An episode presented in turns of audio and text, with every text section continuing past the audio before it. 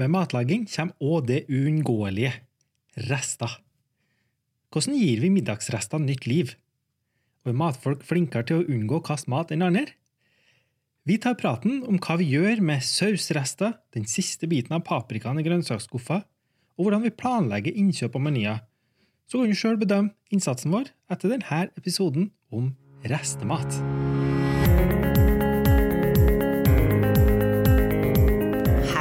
Jeg heter May-Britt, og jeg sitter her på kjøkkenet mitt i Oslo. Og jeg heter Vidar. Jeg sitter på mitt kjøkken i Istanbul. Velkommen til Vaffel, en podkast om mat.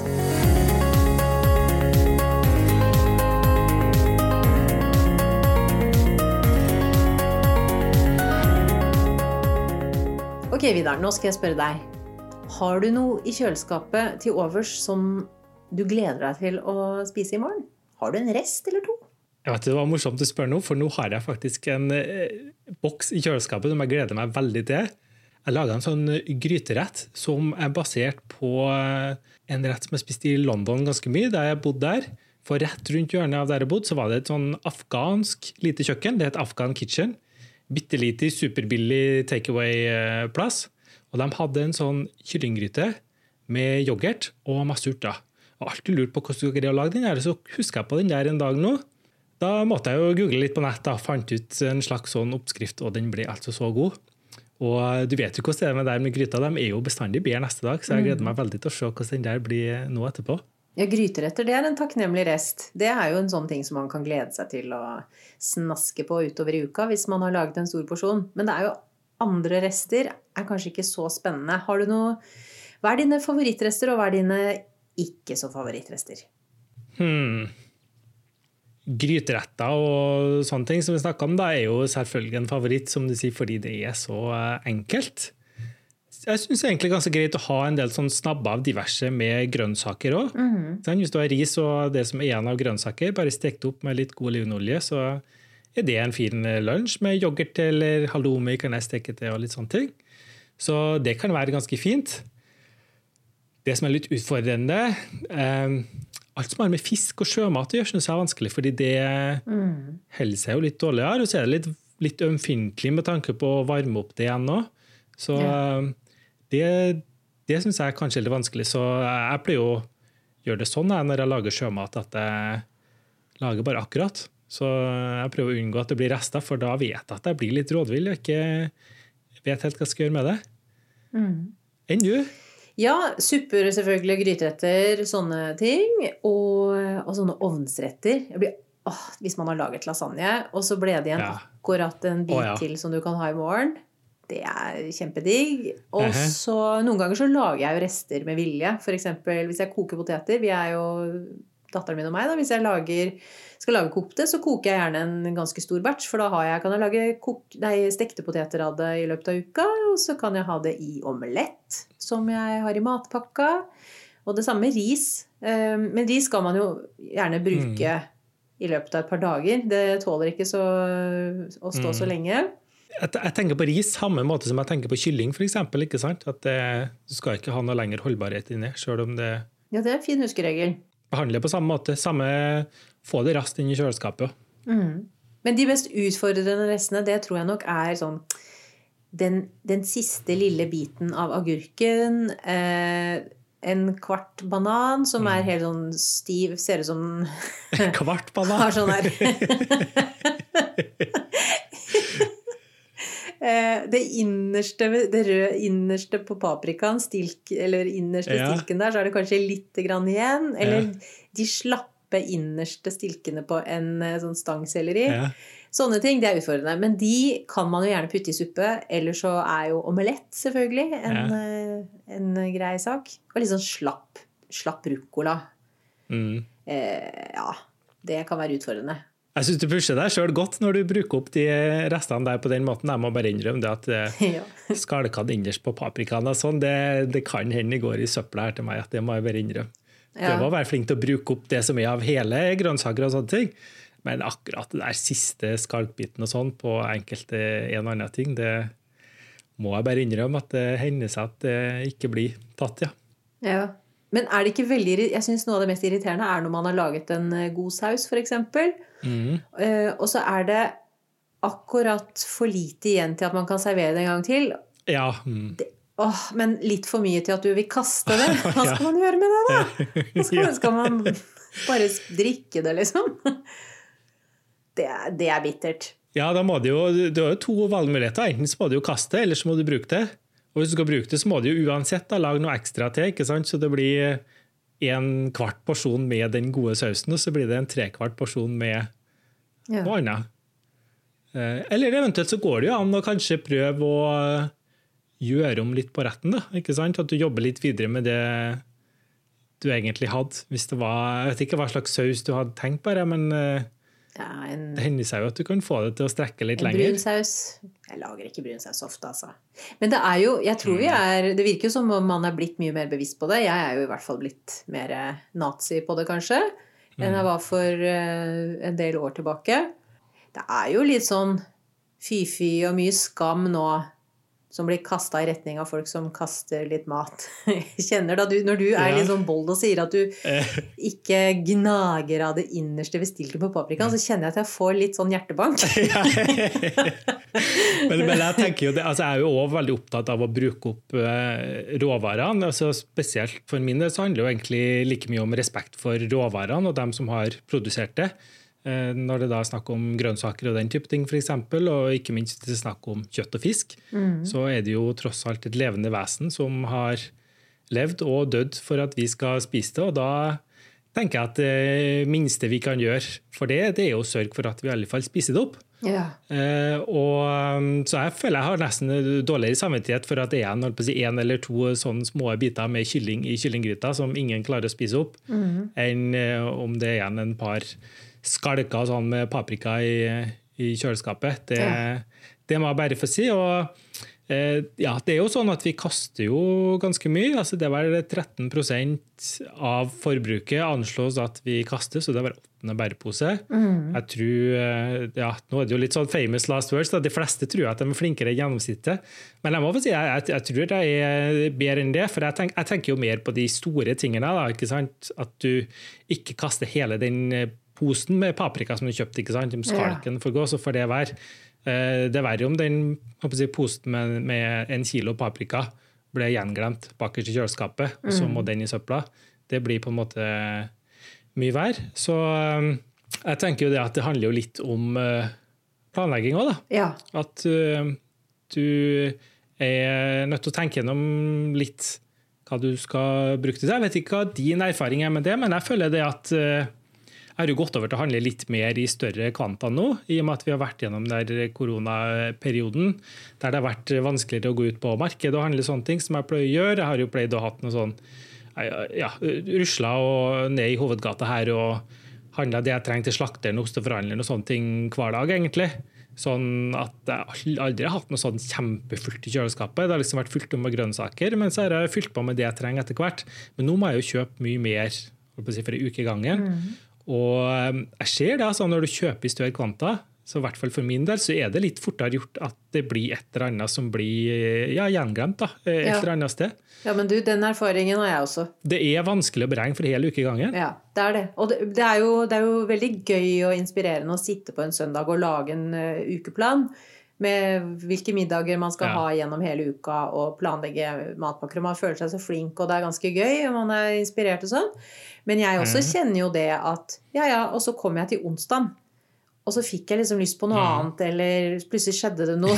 Så jeg fikk ikke brukt den spinaten allikevel som da hadde ligget der i de dagene. Eller, og spesielt med fisk, Ja. ikke sant, som ikke har så lang holdbarhet. Ja, ja. Um, så jeg kjenner også det at um, jeg liker å planlegge. Jeg syns at jeg sparer penger på det. Helt åpenbart. Fordi at Mm. uh, da ser jeg akkurat hva jeg har brukt av penger, og det er dette som er maten vår denne uka her, enn å gjøre sånne småkjøp hver dag.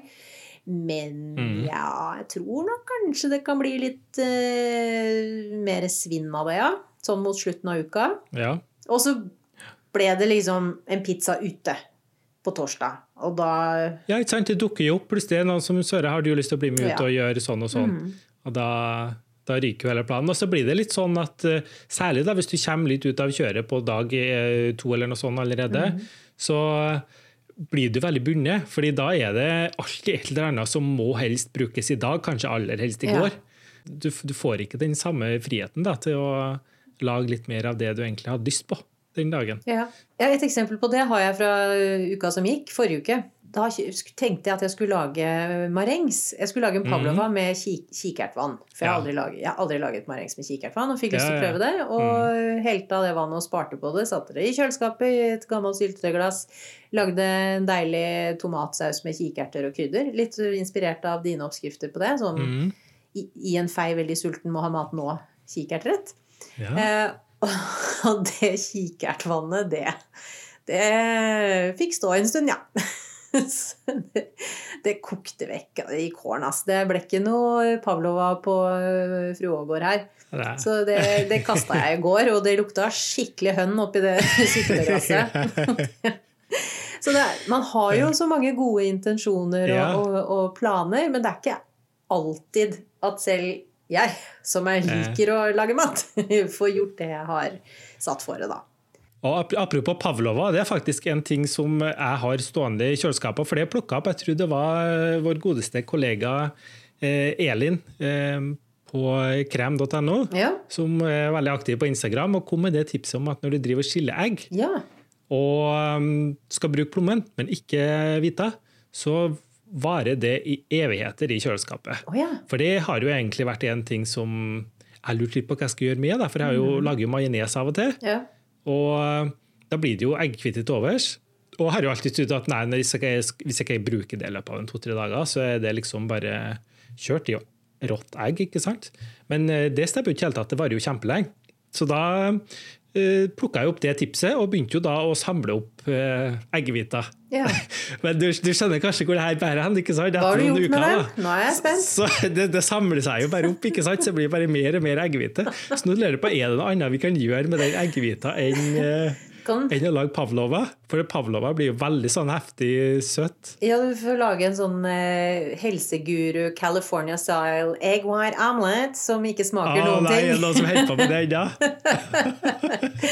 1998 ringte og ville ha tilbake eggehviteomeletten Ja. sin. Ja. Ja, men det er jo sånn, veldig gode intensjoner, men det har vært eh, Ja, det blir jo marengs sånn av og til, da, men jeg føler det, det, det legges mer oppi det glasset der enn det tas ut. ja. Du, eh, jeg pleier å gi det til bikkja mi. Han liker eggehvite. Ja, det var lurt. Det var lurt. Kanskje det blir i verste fall her at det blir gatekattene ut her som må få det. Ja, det kan godt hende de Ja. liker det, ser du. Ja, ja. Og hvis det er noen som hører på og har gode tips til eggehvite, da, så må de bare sende det til meg. For jeg har masse stående og vil gjerne bruke det. Men, med, men vet du hva utfordringen ble med den kikertvæsken som skulle bli til en pavlova? Nei?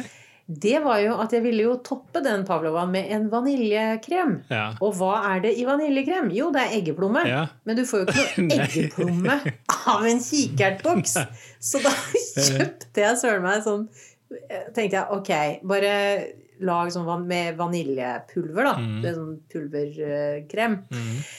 Så den ligger jo nå i skuffen. Men den er jo holdbar til tredje verdenskrig setter inn om 100 år. Så det går greit. ja. Men det var jo litt sånn, ja ja.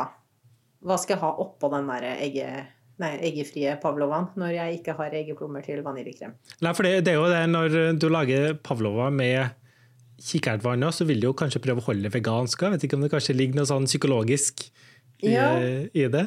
Ja, jeg vil jo mest se at det funka å smake på det. Eh, Ja, ja. At, eh, det er jo ganske smart, jeg syns jo det. For sånn Mhm. pikekyss, det, det er jeg ikke så glad i. Det har jeg liksom ikke bruk for i livet. Mhm. Beklager det, altså. Gi meg en mann, vi kan ha noe pikekyss. Nei, men eh, Så det måtte blitt en pavlova. Men det ble ikke det, da. Ja. Men i Masterchef så har vi jo satt fokus på dette med matsvinn og rester. Ja. Så der har vi eh, noen flinke folk, en egen gjeng, som rett og slett har sortert og samlet eh, det som har vært igjen etter de hovedkonkurransene som har gått på TV. Mm. Hatt det på kjøl og passa på det. Fryst ned det som måtte fryses hvis det var fisk, f.eks. Hvis det var to dager til vi skulle bruke det igjen. Mm. Fordi i sånne matkonkurranser som går på TV, så er det jo selvfølgelig masse spill, ikke sant? Eller Ja, så ja, mye hva- Heter spill på norsk òg, gjør det ikke det? Eller det er på dansk, det. Melspill. Matavfall. Ja. Det blir mye til overs. ja, hva heter det på norsk? Uh, ja, svinn. Det er jo svinn, Svinn, ja. rett og slett. ja. Ja, mm. Så de har, de har tatt vare på alt. Eh, til og med sånn gulrotskall og potetskall. Vi er på det nivået. Um, og så har vi møttes da eh, etter at hovedshowet er over, så har eh, Lise og Jonathan og jeg møttes. Og så har vi hatt gjestedommere, altså profilerte kokker, på besøk. Og så har vi konkurrert i å lage det Mhm. beste på ja, ja, ja. meget knapp tid av disse restene. Og det har vært kjempegøy. Så har vi da gitt en oppgave. Så jeg har vært dommer eh, og sagt til Lise og Jonathan dere skal eh, lage én rett. Det beste dere klarer av disse restene på 30 minutter. Mm. Det har vært kjempegøy. Veldig Ja, morsomt. Blir, det, blir det noe mer enn pytt i panna, sikkert, med de eh, Ja, kalibre som er på dere som er der? ja, ja, ja. Og jeg kan jo avsløre at eh, det kommer stjernekokker inn etter hvert, og det de får til av ræl. For det er jo mye av det som er ræl, ærlig talt. Ja, ja. ja. Hvis det er potetskall og gulrotskall, så da tror jeg strev litt, jeg. Ja. Det må jeg bare innrømme. Ja da. Og alle mulige kroppsdeler av alskens eh, skapninger. Så Ja. ja da. Det er eh, det kan- til inspirasjon. Mm. Men brød er jo en sånn ting som eh, vi kaster veldig mye av, har jeg skjønt. Ja. Ja. Melk og brød har jeg hørt. Mm. Har du noen gode tips til hva man kan bruke brød til? Jeg vil si begynn eh, enda før du får rester òg. Så vil jeg si at det beste tipset til å kaste eller få mindre brødsvinn, det er å bake brød sjøl. Ja. Fordi når du baker det sjøl, så altså, det, Vi har jo snakka om det butikkbrødet og sånn tidligere, ikke sant? At det er jo laga på en eh, spesifikk måte, veldig mye av det. Og vi har jo alle kjøpt butikkbrød til altfor høy pris som er tørt allerede når du skal til frokost neste dag. Og er det ikke det, så er det i hvert fall tørt etter det.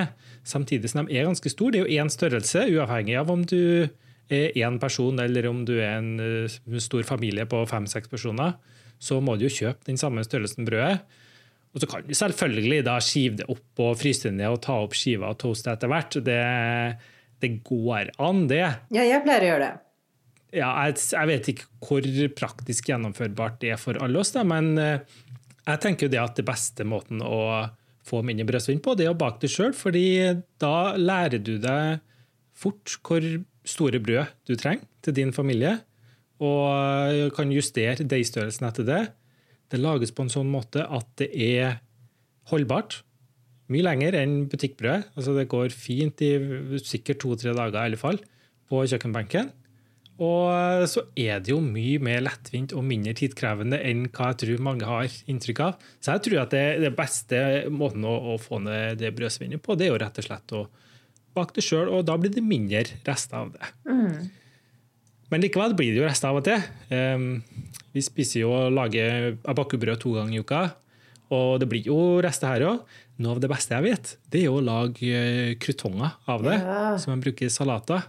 Særlig, og da er det jo særlig jo bedre brødet, jo bedre blir jo de krutongene. Det er ikke det der eh, industrielle loffene som gir de beste krutongene. Og hvis det er litt eh, hele frø og kjerner i det brødet du lager krutonger av, så får du litt ekstra smak og tekstur. Da blir det enda litt mer knas. Ja, og enda mer tekstur får du òg hvis du steker det i panne i stedet for å riste det i ovn til det blir på en måte helt eh, uttørra. Sånn at det blir litt sånn nesten sånn småbrent i kantene, ikke sant? Fra å ha vært fresa på litt høy varme i en sånn eh, stekepanne. Samtidig som det er litt sånn Ikke mjuk, da, men det det er litt sånn eh, brød inni midten. da, Det er ikke helt eh, kavring, liksom. Ja.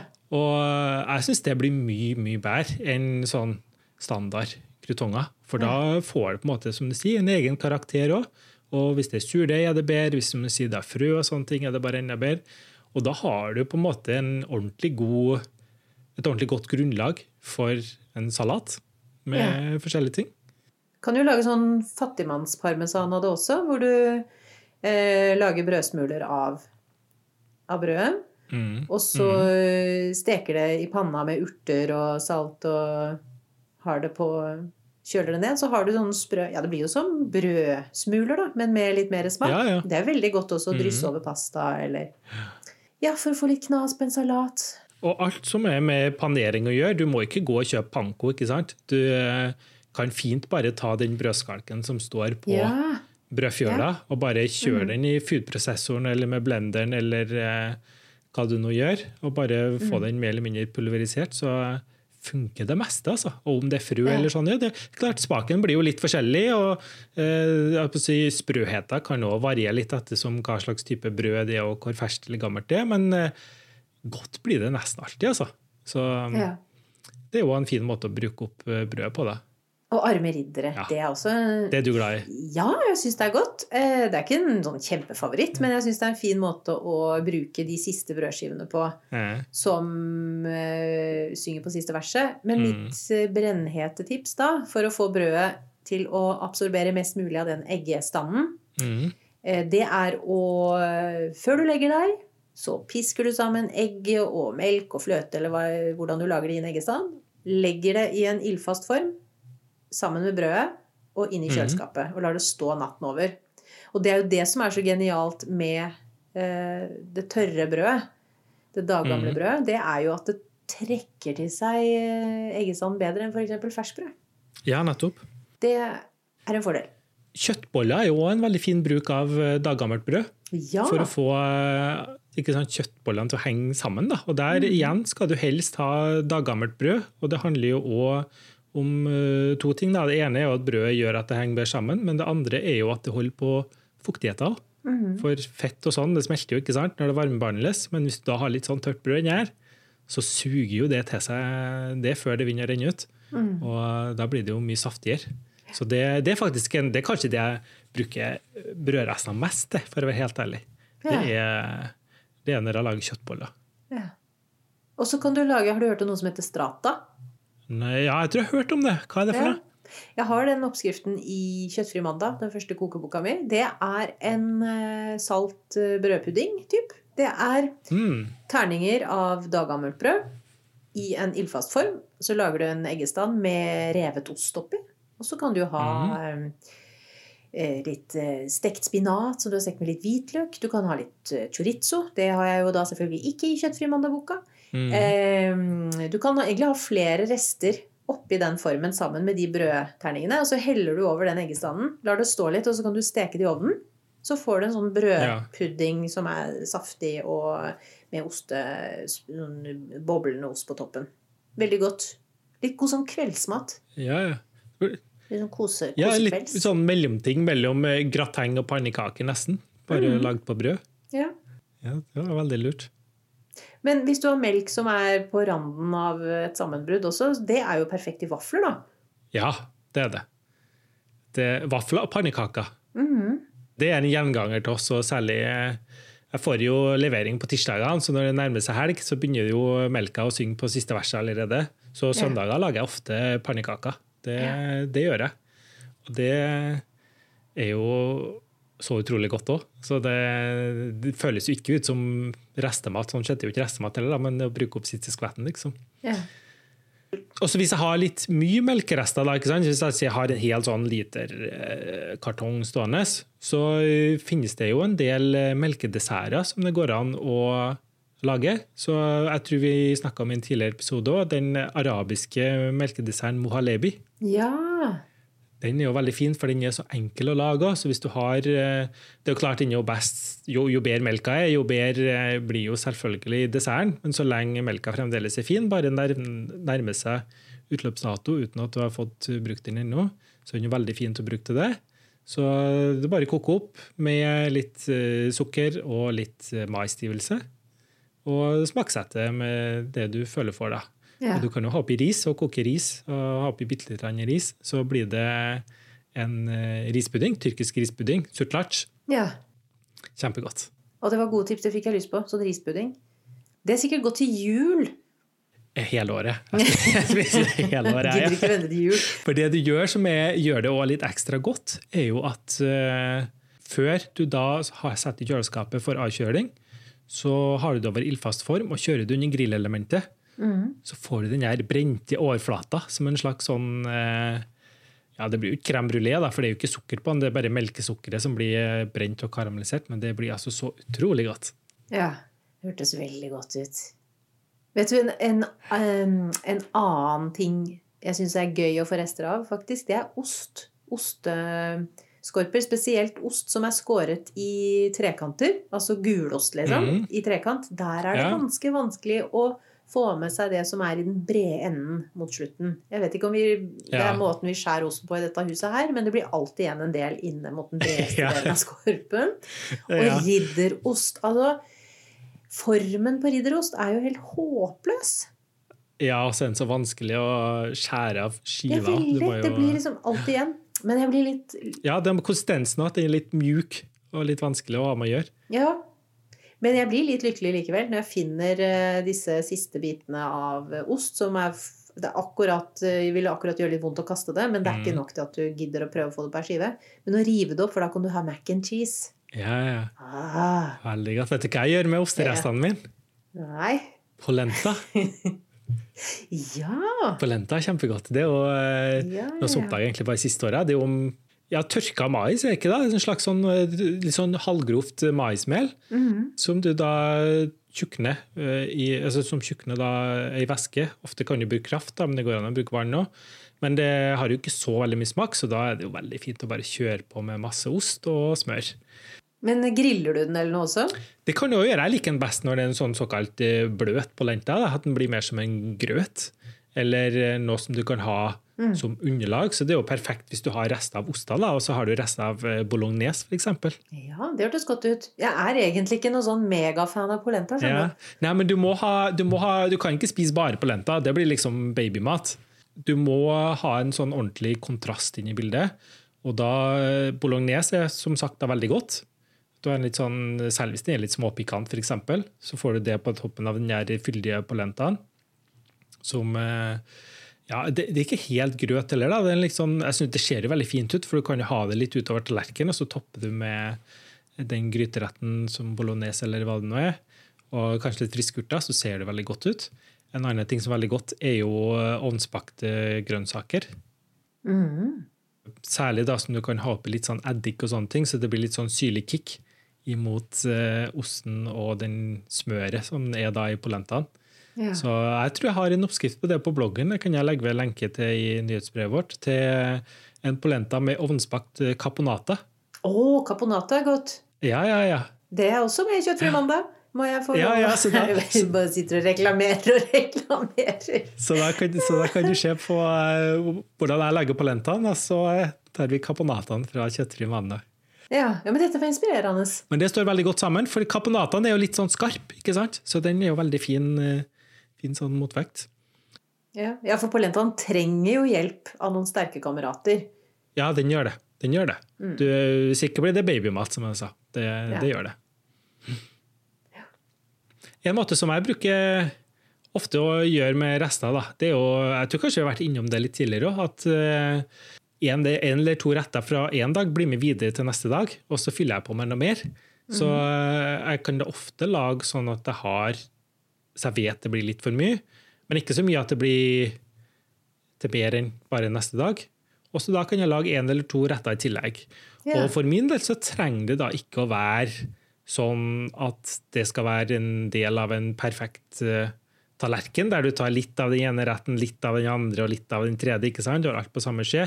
Det kan godt være litt sånn mese- eller tapas-style. ikke sant? At du eh, koser deg litt med den ene, og så kan du gå over på den andre. Og det er jo en fin måte, tenker jeg, da, å bruke opp eh, eh, restene på. F.eks. hvis du har brukt litt energi da, i å lage en god couscous-salat, f.eks. Eh, med noen ovnsbakte grønnsaker, kanskje noen friske greier i tillegg. Og da, da er det fint å ha den mer enn bare én dag. Eh, men så er det kanskje Du trenger ikke å lage akkurat samme hele menyen neste dag. Da kan du ha noe annet ved siden av. ikke sant? Ja. Så um, det tenker jeg er en fin måte å bruke rester på, da, uten at du skal på en måte gjenskape en dårligere versjon av måltidet du hadde dagen før, som det jo kan bli hvis det ikke er snakk om gryteretter sånn som forbedrer seg.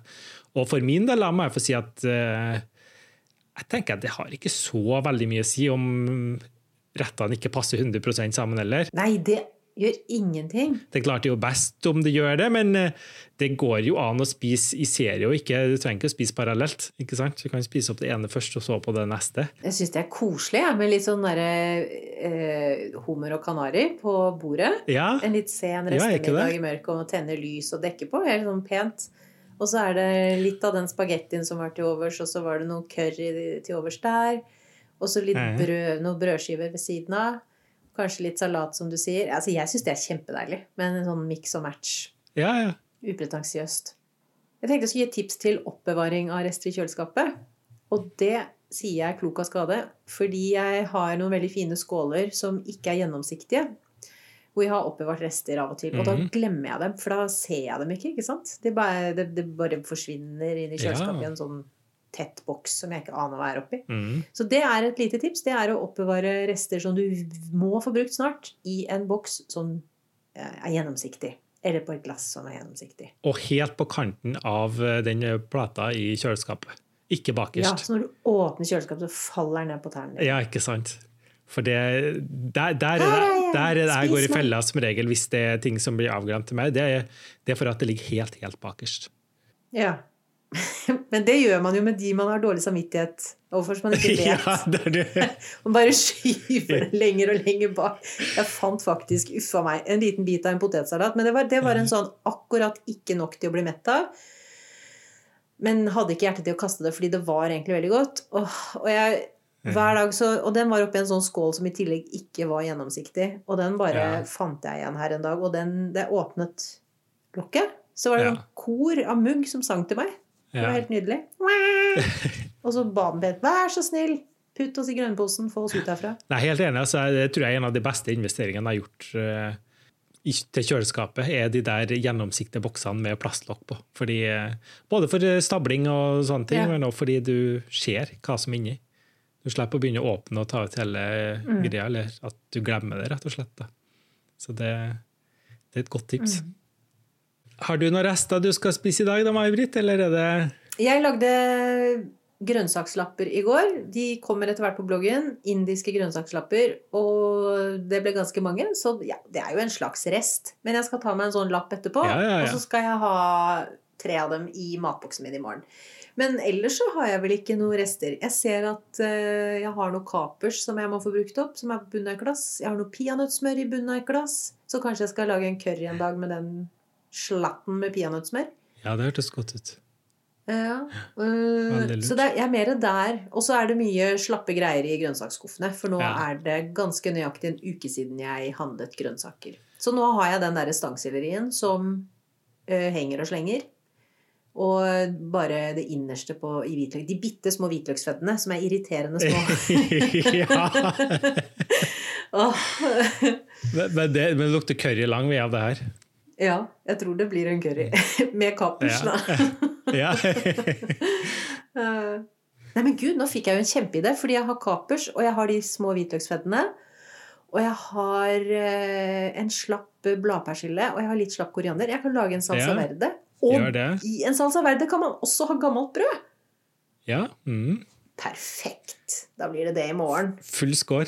Og så kan jeg ta opp kyllinglår, overlår, fra frysen. Og så Mhm. blir det salsa verde og kyllinglår. Fy søren. Det hørtes godt ut. Ja, Ja. de gjorde det. Har du noen rester du skal få brukt? Var det så? Du hadde en gryterett? Ja, jeg må prøve å bruke opp den. Og så er det jo sånn at søndag og mandag er oppbruksdager, da, for det er tirsdager for de store leveringer. Og det, sånn har det jo alltid vært, da, fordi når jeg går på markedet, så er jo det på tirsdager. Så jeg har noe, jeg tror det blir pannekaker i dag, fordi det er melkerester. Det er en melkeskvett som står. Og litt kefir òg, tror jeg. Jeg kjøpte en sånn eh, kefir av eh, geitemelk her for noen dager siden. Ja, Så den skal få bruke opp siste rest i eh, luftige, sånn sveleaktige pannekaker, tenker jeg. Å, det hørtes godt ut. De kan du selge på gata. Ja, jeg tror jeg spiser dem sjøl. Kan du ikke stå utenfor den blå moskeen og selge sveler? Ja, kanskje det, ja. Du kommer på TV, Vidar, hvis Ja. du gjør det. Spørs om det er så mange takers eh, her om noen dagen. Å, ja, men da må du kose deg med sveler. Jeg skal sende deg en eh, varm tanke fra Oslo jo. mens jeg spiser mine kyllinglår med salsa verde. Takk for det, så for deg ha ei flott uke. Jo takk. Vi snakkes om en uke. Det gjør vi. Ha det, ha det. Ha det